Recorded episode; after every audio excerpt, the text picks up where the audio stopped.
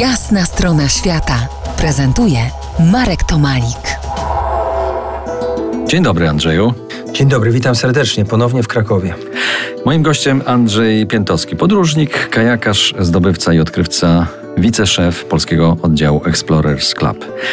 Andrzeju, twoja biografia wypełniłaby pełnometrażowy dokument albo i nawet film fabularny. Skupmy się jednak na pryncypiach. W Krakowie studiowałeś elektronikę na Akademii Górniczo-Hutniczej i wraz z kajakarzami krakowskiego klubu Bystrze w 1979 roku ruszyłeś na podbój wiosłami obu Ameryk.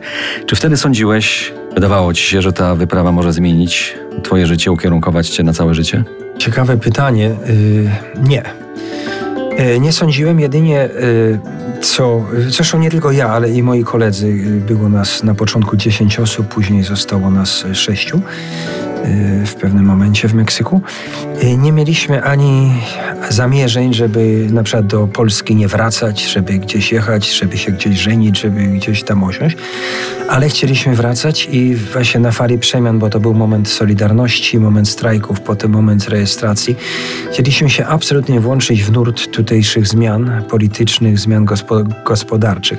Ale jedynie co mogę powiedzieć, że wyprawa ta, mimo że nie, mieli, nie mieliśmy środków, pieniędzy, mieliśmy transport, mieliśmy kajaki, mieliśmy otwarte głowy, po prostu czuliśmy się, że jesteśmy niezniszczalni. Ja miałem 27 lat wtedy, jakieś wodospady pokonywałem, rzeczy, na które dzisiaj bym się nie porwał. I była y, stuprocentowa wolność i swoboda. I to czuliśmy, że tego nie, tego nie mieliśmy w kraju. Zawsze były jakieś uwarunkowania. Ja nie mówię jakichś politycznych, ktoś chodził za mną, tylko że zawsze było dużo rzeczy do zrobienia i tak dalej. Tam była stuprocentowa wolność i swoboda. Ja pamiętam, jak wypłynęliśmy z kanionu Kolka, to mnie taka melancholia ogarnęła. Ja bym chciał, żeby ten kanion trwał, żeby się tak dookoła ziemi, żeby się nigdy nie kończył, żeby ta wyprawa dalej trwała. W przyszłym roku y, będzie 40. rocznica odkrycia najgłębszego kanionu świata, kanionu Kolka przez Was. Czy grupa wtedy pod Twoim przewodnictwem, czy szykujecie jakieś y, świętowanie tam w Peru, w Stanach, gdzie nagle, nadal mieszkasz, czy też w Polsce będą te, te, te święta 40. rocznicy? No na pewno będą w Peru nad kanionem. Ostatni raz cała grupa. Yy nas siedmiu wspaniałych, jak nas określono wtedy, spotkaliśmy się na, w 25. rocznicę, czyli 15 lat temu, w 2006 roku. W tej chwili ja myślę o tym, ponieważ przeszedłem na wczesną emeryturę nauczycielską, żeby się zająć organizacją, bo moi koledzy jeszcze pracują. Y, będzie to na pewno w Peru, ale ja na przykład planuję, chcę wydać swoją książkę, która się ukazała właśnie na temat zdobycia kanionu w obcych językach.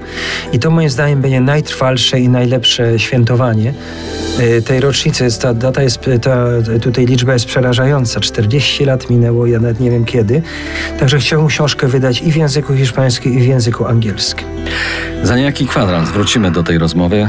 Yy, wspomnimy także polityczny wydźwięk tej wyprawy polskich kajakarzy. Zostańcie z nami po jasnej stronie świata.